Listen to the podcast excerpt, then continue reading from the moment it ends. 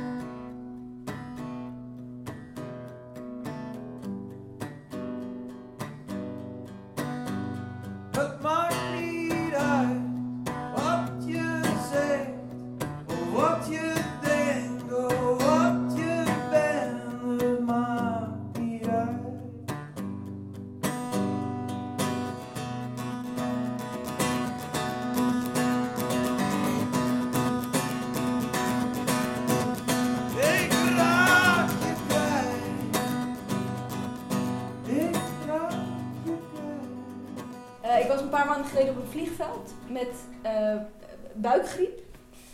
En ik kreeg op een gegeven moment een enorme, uh, of enorme, een acute aanval van buikloop.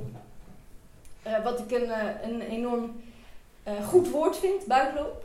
Omdat je het over diarree kunt hebben zonder dat je diarree voor je ziet. En ik rende naar de wc. En net op tijd was ik. En op een gegeven moment was ik klaar. Dus ik roep mijn moeder. En uh, ik veeg mijn billen af, uh, trek mijn broek aan en uh, ik had ook nog een onderbroek aan. En ik sta te wachten tot er wordt doorgetrokken. Omdat in veel eh, vliegvelden wordt er tegenwoordig voor je doorgetrokken. Er gebeurt niks. En ik beweeg voor de toiletpot, omdat ik denk dat het op bewegingssensoren werkt. Maar er gebeurt niks. Ik ga op de bril zitten, zodat de toiletpot denkt dat er een nieuw iemand is. Er gebeurt niks. En ik kan natuurlijk niet zomaar weggaan en de wc in die toestand achterlaten. En dan uh, roep ik naar het toilet. Ik dacht misschien is het met geluidssensoren. Uh, en ik kijk naar die toiletpot. Zoals je naar een kleuter kijkt die zich door de modder heeft gerold. En je vraagt, en hoe wil je dit probleem nou gaan oplossen? Op een gegeven moment zie ik dat er achter de borstel uh, een, een, knop zit. Dus het analoog toilet, zeg maar. Een knopje indrukken. Ook met de hand borstelen. En ik ga naar buiten en ik, ik was mijn handen. Of althans, ik steek mijn handen onder de kraan. Omdat op de meeste vliegvelden tegenwoordig voor je de kraan wordt aangezet. Maar er gebeurt weer niks. Blijkt dus dat je ook de kraan met de hand moet opendraaien. En wat prima, totaal geen probleem. Draai ik mijn hand niet voor om. Um, uh, ja, dat had ik pas net door dat dat een flauw grapje was. En toen dacht ik, misschien zitten de liefhebbers niet zo. Um, en ik ga naar buiten en daar staat een grote grijze paal waarop staat: Hoe zou u deze toiletervaring beoordelen? uh, dat heeft u misschien wel zien staan, dat staat dus tegenwoordig op vliegvelden.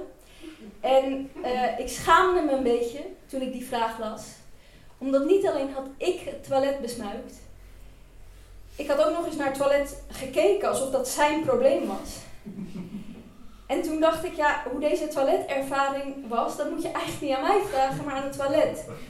En toen ik die vraag voor me kreeg, er was een lachende smiley, een neutrale smiley en een, en een huilende smiley.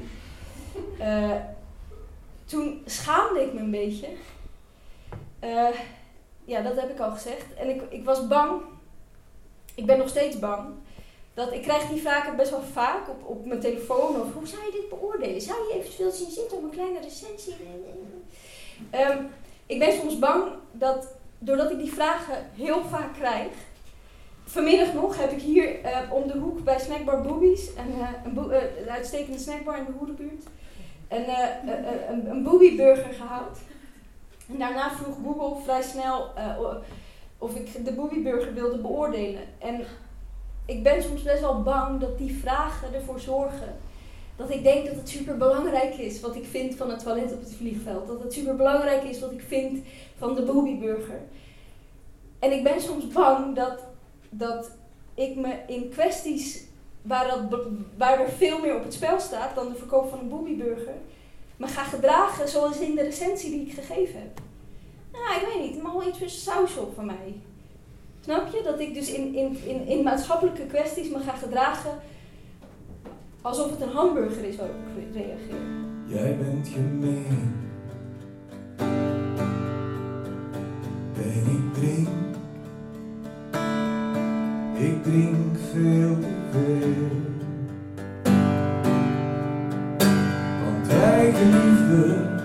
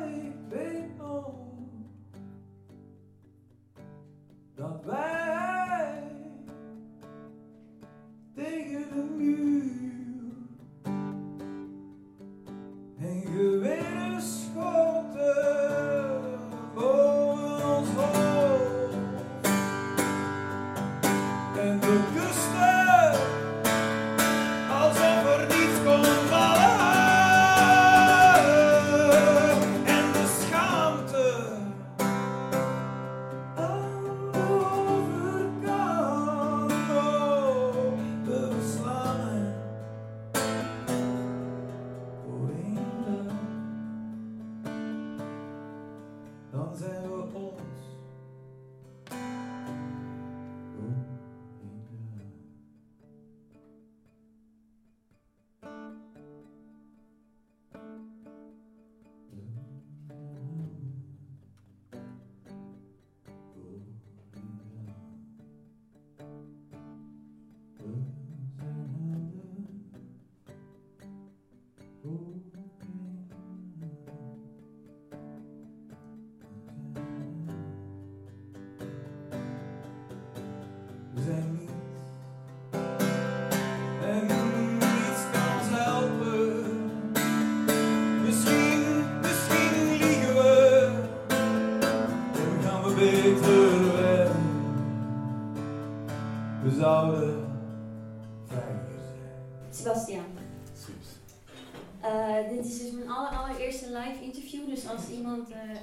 tips heeft uh, tussendoor of een vraag, dat mag.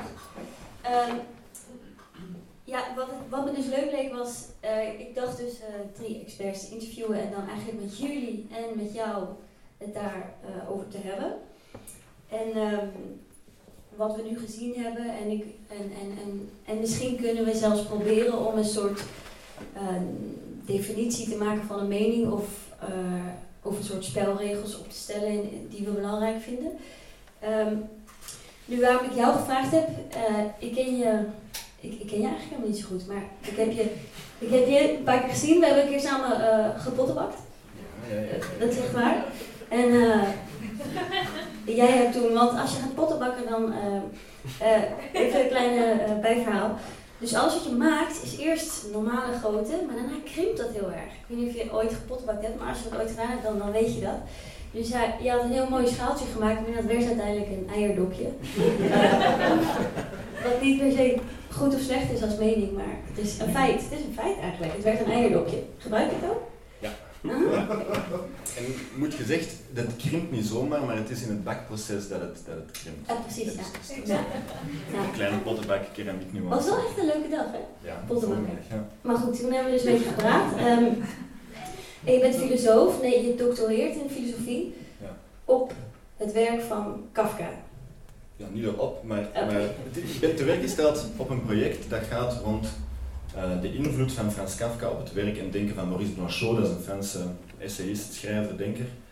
Um, dus dat is ook een dankbare insteek om het niet per se over Kafka te moeten hebben, want dat is natuurlijk zo een van de namen die zodanig kapot geanalyseerd en uh, beschreven is, dat ik dus eigenlijk een, een, ja, nog een spoor kan vinden daarin dat nog niet per se onderzocht is.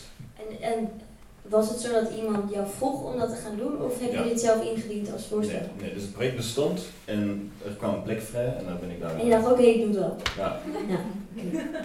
Nee, nee, ik ben, gewoon benieuwd hoe dat gaat. Ja. Um, dus je bent eigenlijk vijf dagen per week bezig met uh, uh, die twee heren. En dan uh, is dat, zeg maar, begin je dan zo in al je denken alleen nog maar over hun, droom je zeg maar over Nee, gelukkig, gelukkig niet. Oké. Okay. Nee, soms word ik wakker als een kever, maar dat is... nee. nee, nee, nee, gelukkig niet. Nee, dat is ook maar ja, dat is ook maar werk natuurlijk. Je, je denkt je op. um, ik snap het. Nee, maar wat ik dus dacht was, je hebt natuurlijk filosofie gestudeerd in Antwerpen en je hebt in je eerste jaar, dus neem ik aan, alle, ik heb één jaar recht gestudeerd en toen kreeg ik allerlei heel uh, algemene vakken en had ik toch het idee dat ik de wereld een klein beetje beter uh, begreep. Bijvoorbeeld het vak institutionele geschiedenis van België heeft me erg veel uh, ge geleerd. Um, ja, was echt ingewikkeld. Um, maar jij hebt waarschijnlijk dus ook een soort algemene studie gehad over filosofie en um, het denken. Dus ik dacht, laten we, jij bent volgens mij de perfecte persoon om te vragen uh, hoe wij eigenlijk zouden moeten gaan nadenken en die gedachten ook uitspreken. Niet per se een ervaringsdeskundige misschien uh, op ik, van mening. Ik vind het leuk dat dat, dat, de insteek is om een filosoof te vragen, omdat die meteen, of iemand die filosofie een beetje vertrouwen mee heeft, omdat die Um, meteen zou zeggen, ga, als je op zoek bent naar een definitie of wilt weten dat de wereld werkt, moet je vooral denk ik geen uh, iemand die met filosofie bezig is vragen, omdat die hun job het is om al die dingen te destabiliseren en, en uh, kritisch te bevragen. En dus hetgeen wat Socrates deed was, aha, je denkt een definitie te kunnen geven van een, een, een, naam of een begrip waarvan we het menen te weten wat het betekent. Mm -hmm. En die, ja, die probeerde net te laten zien dat het eigenlijk uitdraait op een aporie, dus iets waar we totaal niet meer weten over wat we het hebben. Dus, dus in die zin... iets zeker weten of iets definiëren mag eigenlijk niet. Als je een goede filosoof bent. Mm, dat, ja. Liefst niet, misschien. Dat hangt er vanaf welke insteek in filosofie dat je, dat je gebruikt. Maar ik wil maar zeggen, dus het is, het is, er staat een spanning tussen een, ja, ja. vaste definitie en, en, en, een zekerheid en dan het kritisch filosofisch denken. Zo Denk je van alles wat je aan de Universiteit in Antwerpen kunt studeren, dat dit de meest in twijfel trekkende richting is? Dat is, maar een, dat is ook maar een studie, dus um, dat heeft ook met een houding te maken, denk ik. Dus er zijn, er zijn mensen die filosofie studeren en daar iets compleet anders halen dan, dan, dan ja. anderen. Dus, dus dat is, ja. Zo, maar ja. misschien niet zo. Uh, je hebt het filmpje. Uh, ja, we zullen ook een mening hebben. Uh, je hebt het filmpje gisteren, uh, ik heb het naar je opgestuurd. Het duurde een soort halve dag. Ik ben helemaal niet zo goed in dit soort dingen. En ook het WeTransfer van zoiets duurde lang. Maar toen kwam het bij jou aan. Ja. Toen heb je het bekeken. Ja. Uh, wat vond je ervan? Ik vond het, ik vond het prettig. Ik bedoel, ik, ja, misschien kun je jullie ervan van, maar ik vond het prettig om te zien. En ik vond, moest ik dan meteen vanuit een filosofisch perspectief reageren, zag ik vooral dat er van allerlei opvattingen over wat meningen zijn, meteen door elkaar gebruikt werden. Dus als we daar met een filosofische blik naar zouden kijken, en, en dan is een van de standaardteksten daarover eentje van Kant, die in zijn logiek het heeft over drie modussen van het voorwaar houden. En dan heeft hij het over menen, geloven en weten. En wat zou Kant zeggen? Die mensen die we net hebben gezien hebben het helemaal niet over meningen, het gaat maar over opvattingen. Wat zijn meningen? Meningen zijn intuïtieve aanvoelingen die nog niet bereflecteerd zijn over wat waar is. Um, dus er is eigenlijk een... Wil je die nog heel eventjes uh, langzaam zeggen? Dus op ja. meningen zijn... Oh, nu moet ik vooral dezelfde woorden gebruiken. Dat was heel goed woord. Ja. Um, dus meningen zijn um, subjectieve... Dit eigenlijk op een, op een, op een, een nog niet bereflecteerd niveau. Dus meningen zijn... zijn Eerste intuïtief Inderdaad. aanvoelen van wat waar is. Ja, dus, dus dat je is, kan niet een mening hebben over iets wat niet bestaat. Nee, dat is logisch kunt geen mening bestaat. Wel. Maar dat, dat zou ons te ver leiden. Laten we ja. laten we kijken naar... Houden het bij de dingen die bestaan. Ja. Okay. Want er zijn heel mooie eenhoorns bijvoorbeeld, maar dat is nog maar de vraag of er eenhoorns bestaan. Maar oké. Okay. Um, ja. Dus wat Kant zou zeggen is, meningen die zitten op een subjectief niveau en op een subjectief niveau dat nog niet um, objectief zeker is, dus, en, maar ook um, op een subjectief niveau nog niet zeker is. Dus eigenlijk, om een voorbeeldje te geven, ik zou kunnen aanvoelen um, dat ik, als ik naar een trailer kijk, dat ik denk dat er iets een, een leuke film gaat worden of zo. En, en dan heb ik nog niet nagedacht over, ja, maar klopt dat nu met mijn vorige opvattingen? Um, wat heeft dat voor gevolgen? Dus ik ben nog niet bezig met dat op een manier rationeel een plaats te geven, want dan zou ik al op het domein van overtuiging komen. Mhm. En waar we het hierboven over hadden, leek meer op een overtuiging dan op een mening, namelijk iets, en de, de Charlie Magazine um, dame zei het, dat het, uh, ja, dat mening hopelijk iets is waar mensen over hebben nagedacht. Dus dan gaat het al over een overtuiging. Ja. Um, dat de, de, de, dat de lijst, uh, uh, democratische Thomas, Thomas had het daar denk ik ook over, hè, dat, het, dat, dat, dat meningen iets zijn, ja, dat begint in iets aanvoelends. En dan begint je erover na te denken, gaat je een keer, en, en dan zit je dus eigenlijk al bij de overtuiging. Want ik heb namelijk zelf het gevoel dat ik uh, geen meningen heb. Uh, terwijl wat jij nu zegt, dan zou dat helemaal niet waar zijn. Want ik voel bij alles heel veel dingen die heel mhm. duidelijk zijn. Ik, ik denk, oh, dit vind ik leuk, of oh, dat lijkt me stom. Of alleen uh, had ik nooit door dat dat dus meningen waren. Ik dacht dat volgens, gewoon... volgens Kant. Ja, oké, okay, volgens Kant. Maar om daar een voetnootje bij te zetten, in het Engels is opinion belief, een, een, een mening, geloof, overtuiging, die distinctie is veel minder present en die worden dan ook al snel door elkaar gehaald. Ja, een, uh, ja want wat ik namelijk, ik heb uh, mening even gegoogeld, gewoon mening en dan enter. En um, daar begin ik meestal mee als ik ergens over ga nadenken. En, uh, en de definitie was, het komt van het Indo-Germaans, wat ik dan ook even heb opgezocht. Dat is blijkbaar de groep van de Aziatische en Europese talen, dat zijn de oorsprong eigenlijk. Dus onze taal komt uit het Indo-Germaans. En mening komt van mioino of zoiets, als ik het goed zeg. En het betekent eigenlijk wissel of ruil. Wat ik heel gek vond, omdat dat echt anders is dan opinion betekent I think of I believe, die kun je met elkaar verwisselen. Maar een mening als wissel of ruil, dan denk ik, ah, dat gaat dan toch veel meer over een debat of zo, heb ik het gevoel. En um, ja, dat is opmerkelijk dat die verstuurd zijn. Ik kan er niet meteen een vraag aan af te plakken, maar. Uh, dan, dan zal ik daar misschien een, uh, een, een, vrije associatie bij maken. Want het is treffend um, dat je zegt, in, een mening betekent oorspronkelijk uh, wissel of ruil. Dus, dus dat is een denkbeweging die daar zou over kunnen zeggen. Als we op zoek zijn naar wat meningen betekenen, is het, zou een, een, een optie zijn hè, dat in te geven in, in, in, Google en kijken naar afbeeldingen, hoe, ziet de mening er eigenlijk uit. Uh, dat is één weg, of inderdaad, wat je doet, zeggen we moeten, als we willen weten wat meningen zijn, terugkeren naar wat ze ooit betekend hebben, een oorspronkelijke betekenis En misschien zijn we er vandaag wel uitgevallen uit die oorspronkelijke betekenis, hebben nu eigenlijk een, maar een schijnbegrip van mening, hebben maar een, onechte opvatting van wat meningen zijn. En misschien hebben die oude mensen daar, um, waarvan, eh, die aan de oorsprong lagen van onze cultuur, hebben die het wel veel beter begrepen. En meer zelfs hebben die misschien een verstaan van meningen dat ons vandaag in onze problematiek daar rond zou kunnen helpen.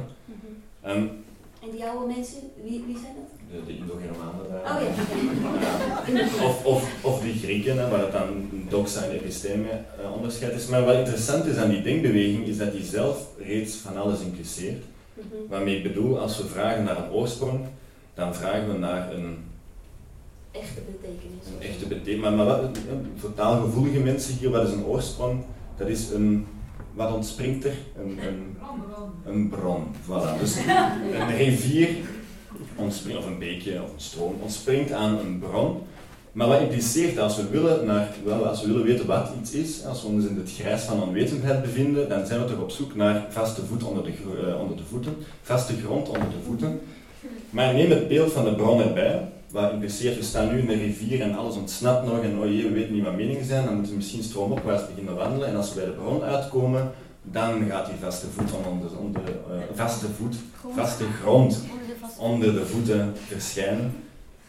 Maar natuurlijk, denk die bron er eens bij, is Narcissus, is hij niet verdronken in die bron, is hij daar niet in verloren in gegaan. Dus in hoeverre is het vragen naar de bron van iets, gaat ons daar helpen in het vinden van antwoorden? Nou, ik, ik, het, het, het heeft me wel een beetje geïnspireerd, want ik ging dan verder googlen. Ik dacht dus aan een debat en dan ging ik verder googlen en dan kwam ik uit bij uh, de retorica leer. Had ik al veel eerder me in moeten verdiepen, want Freek heeft het daar uh, dagelijks uh, over. Dat iedereen die les heeft gehad van Freek zou waarschijnlijk begonnen zijn met retorica leer. Klopt dat? Ja, toch? Of niet? Mensen die les hebben gehad van Freek? Nou goed, in ieder geval, hij weet er veel over. Um, maar ik begon het dus een beetje op te zoeken. Ik wist er nog helemaal niet zoveel over. En um, ik heb het even opgeschreven. Dus uh, ja, wat ik namelijk dacht, en ik ben benieuwd wat jij ervan vindt. ik dacht en ik ben blij dat je het onderscheid eigenlijk maakt tussen opvattingen en uh, meningen. Want ik dacht, de mensen die in de politiek zich begeven, of die journalist zijn, of die recensies schrijven natuurlijk al helemaal, die moeten ook hun mening beargumenteren en zijn op een of andere manier daarmee ook in debat aan het gaan. Want bijvoorbeeld Marijn Lem zegt ook, hij wil niets liever dan een hele heftige recensie schrijven, waarop dan een reactie komt. Ook al is het op Facebook, dat maakt hem niet uit. Hij wil daarover kunnen doorpraten. Hij ziet het als het begin van iets. En um, dat ligt heel dicht bij een soort oude Griekse uh, democratie waar op dat moment wel alleen maar een paar mannen, alle vrouwen en slaven en zo, mochten sowieso niks zeggen natuurlijk, dus het had wat minpuntjes die tijd. Maar um, die mochten dan hun mening uiten, maar dat ging dan echt volgens systemen waar je jaren voor had moeten studeren, diploma's voor moest hebben gehaald. En dan pas mocht je een mening uiten. Terwijl nu natuurlijk iemand schrijft een opiniestuk en daaronder kan iedereen gewoon als een bagger uh, storten. Hm. Terwijl dit dus, dit is even het, dit zou je moeten kunnen als je, uh, zeg maar, Plato, in Plato zijn tijd een mening had. Moest je hem eerst vinden, de, de vinding. Uh, nee, zeg maar je argumenten vinden en, en, en ja, op veel verschillende plekken, dus plaats, tijd, persoon of motief, daaruit moest je argumenten halen.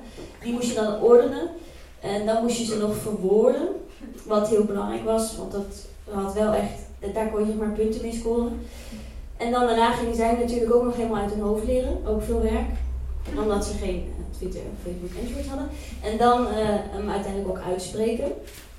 Ja, dat is een soort super lang proces, uh, waar we nu natuurlijk niet, niet op die manier ermee omgaan. Ja, en bovendien ook weer lang zonder vraag. Hadden die, um, als we het hebben over Plato, had hij het in die zin gemakkelijker dan wij, omdat hij nog het verschil kon maken tussen wat kennis is en wat waarheid is en wat dan meningen, schijn, realiteit is. Mhm. Maar natuurlijk, die retorische ruimte, die zij en waar, waar je daar ook op kon beroepen, op van, maar dit is waarheid, dit is, dit is licht, dit, is kennis, dit is niet zomaar een mening. Hè, wat die retorici deden volgens hem was maar gewoon om het even wat verkondigen en daar dan wel een argumentatie uh, over opbouwen die dan steek leek te houden, maar eigenlijk wat je aan het verkondigen waren was maar, was maar schijn. Plato kon daar een, een ware wereld tegenover zetten. Natuurlijk, dat onderscheid dat wij vandaag is dat moeilijker geworden. Dus onze retorische ruimte is veranderd. In de zin dat, ehm, dat wij niet meer zo gemakkelijk nog kunnen zeggen, ja maar dit is de waarheid.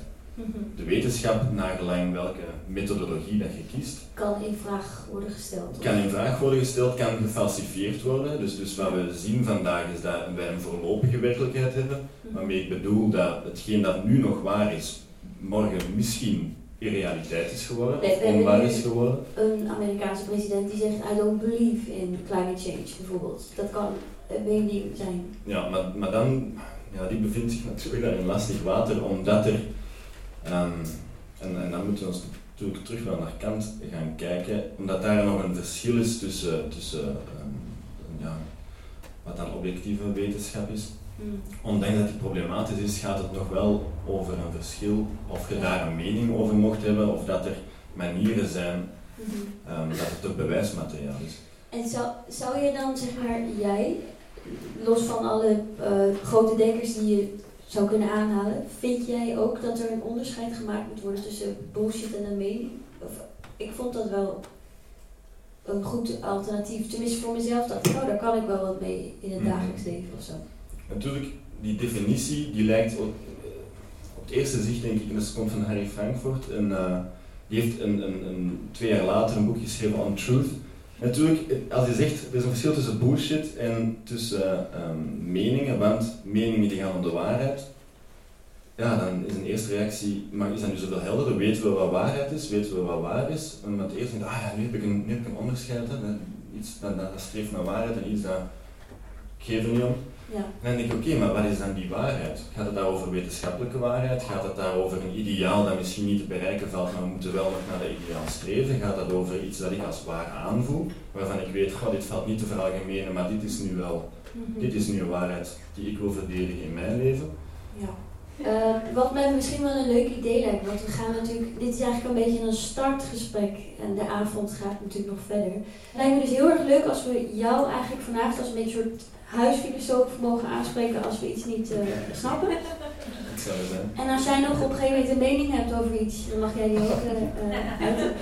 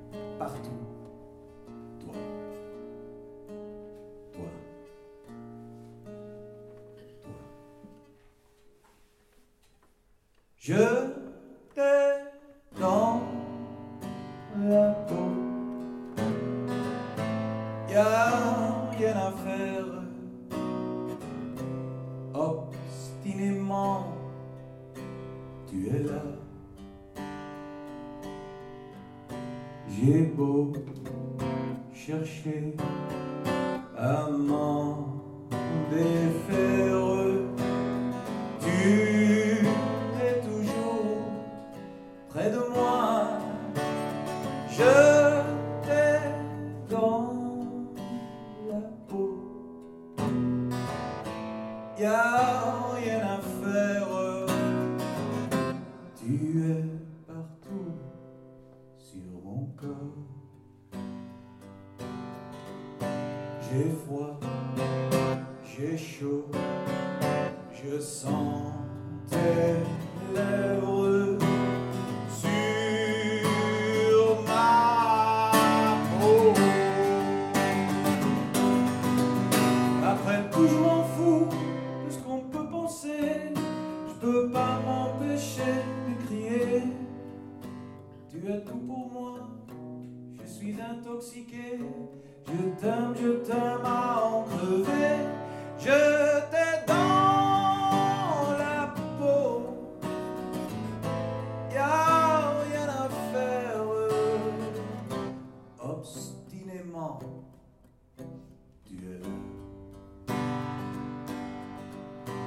J'ai beau chercher à m'en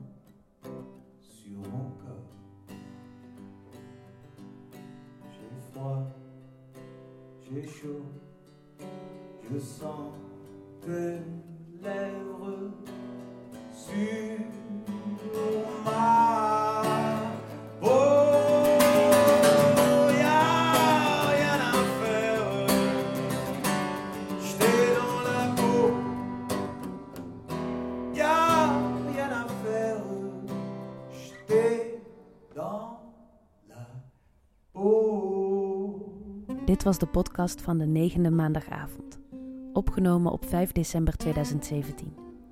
U hoorde teksten van Rebecca de Wit. Suzanne Grotehuis interviewde Sebastiaan Mungersdorf. En de muziek was van Eddie Elevedet. Ik, Xandri van de Beslaag, heb het opgenomen en gemonteerd. U kunt de podcast terugluisteren via de website www.denieuwetijd.be slash podcast of op de Soundcloud van De Nieuwe Tijd. De maandagavond is elke eerste maandag van de maand, telkens om 8 uur in de Sint-Paulusstraat 23. De volgende is op 8 januari 2018. Meer info vind je op www.denieuwetijd.be. Reacties zijn ook altijd welkom via info.denieuwetijd.be.